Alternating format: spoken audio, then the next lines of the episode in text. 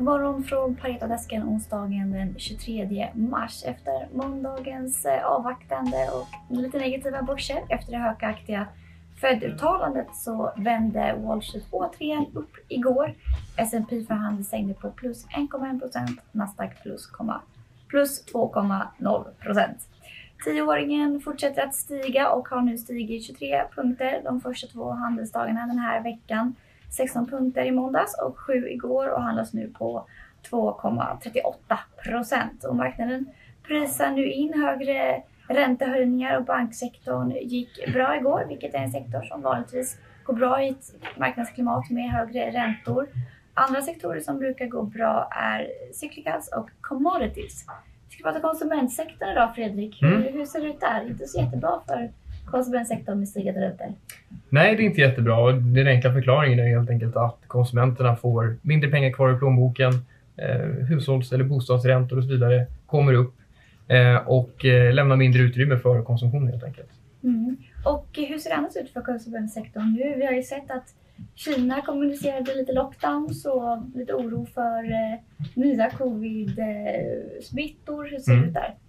Precis, det är ju eh, någonting som såklart kan påverka leveranskedjorna. Eh, inte minst på eh, många komponenter och, och eh, kläder och liknande som produceras i, i Kina eh, och i, i området däromkring. Eh, det som snarare är liksom på tapeten nu är ju såklart det som händer i Europa med kriget i Ukraina, ökad inflation, eh, högre råvarupriser, eh, sannolikt ytterligare inflation på, på produkter också när det blir dyrare att producera. Eh, det här kommer ju såklart slå på, på konsumenterna i slutändan. Eh, och eh, eh, det finns ju anledning för att vara orolig i viss mån för hur konsumenten kommer må här i Europa under de kommande ett till två åren. Mm, du släpper en uppdatering på Thule idag mm. där vi tar ner organiska tillväxten. Precis. Men de kommer kunna höja priserna i alla fall. ja, precis. Och det är ju en effekt av, av de ytterligare liksom råvaror den ytterligare råvaruinflationen vi har sett. För Thules fall framförallt på aluminium som är en väldigt viktig insatsvara för dem. Den har fortsatt eh, Eh, att öka här under första kvartalet jämfört med vad man var under det fjärde kvartalet förra året. Eh, och eh, vi, vi räknar med att de kommer höja priserna ytterligare en gång i sommar. De har redan kommunicerat med sina kanalpartners, sina återförsäljare.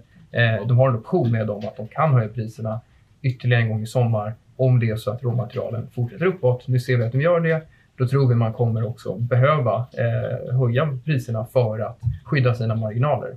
Ehm, men samtidigt så ser vi att omvärldssituationen med kriget i Ukraina och den liksom bredare inflationen som fortsätter att, att vara hög, eh, mat bland annat, energipriser, eh, vi tror att det kommer dämpa konsumentefterfrågan eh, generellt sett över ekonomin. Det gör att vi drar ner organiska tillväxten för Thule från, vi hade 7, 7 eh, tidigare, vi drar ner den till 4,5 och, och eh, tror helt enkelt att vi kommer få se en del lägre volymer under eh, det här året. Mm. Men du tycker fortfarande att det är ett köpvärt case? Är det för mm. att de fortfarande ändå växer lite grann och de kommer kunna kompensera med eh, prishöjningar för att behålla marginalerna? Här? Ja, eh, så är det absolut. Vi tror att de kommer kunna fortsätta växa både det här året och de kommande åren. Eh, I år framförallt drivet av prishöjningar men också av nya produktlanseringar. Man fortsätter att expandera sin eh, kanal inom Active Kids, framförallt på barnvagnar. Det kommer lanseras två nya produktkategorier på kapitalmarknadsdagen i maj. Eh, de kommer inte ge någon stor effekt på försäljningen det här året men kommer börja bidra eh, framförallt 2023 och framåt. Så vi ser att det finns en väldigt tydlig plan för hur man ska kunna fortsätta växa Eh, och vi tror också att den, eller de segmenten man är inne på nu, cykelhållare, takboxar, takräcken, eh, cykelkärror och så vidare. Vi tror att det finns en långsiktig tillväxt i de segmenten. Eh, så långsiktigt är vi inte särskilt oroliga för att tillväxten i Thule skulle vara slut. Eh, utan utan eh, eh det är som du säger, vi tror att de kommer kunna fortsätta växa. Vi tror att de kommer kunna fortsätta ha en långsamt expanderande marginal, ytterligare något härifrån. Målet är att vara över 20 procent. Det är de redan. Vi tror inte att det blir någon liksom snabb resa uppåt mot 25, men att man kommer ligga här runt eh, 22-23 procent de, de kommande åren och det ger en väldigt, väldigt fin lönsamhet. Mm. Eh, det tycker vi ska belönas med en tydlig premievärdering. Just nu handlas man strax över värderingssnittet man hade innan pandemin under pandemin så sköt värderingen i höjden lite grann.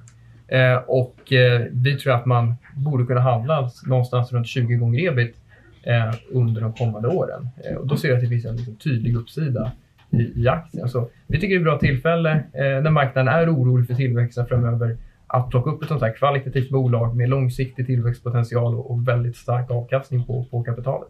Mm. Ja, det låter, det låter bra.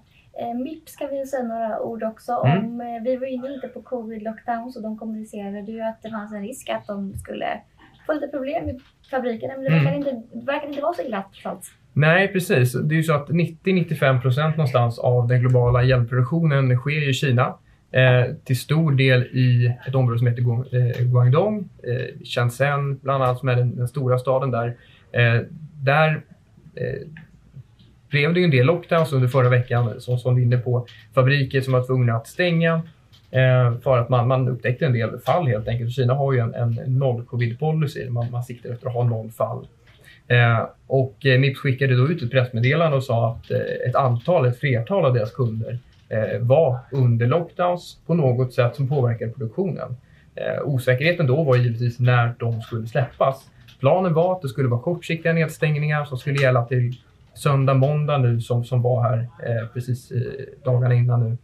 Eh, och nu verkar det faktiskt som att, eller vi har fått bekräftat också från bolaget, att nu är fabrikerna eh, återöppnade. Eh, lockdown blev inte förlängda eh, och det var ju det som var risken. Det var ju då det hade kunnat få en rejäl påverkan på, på försäljningen. Men det ser vi inte att det kommer att göra nu. Utan det kommer sannolikt vara, vara en stark Q1 där mot nytt.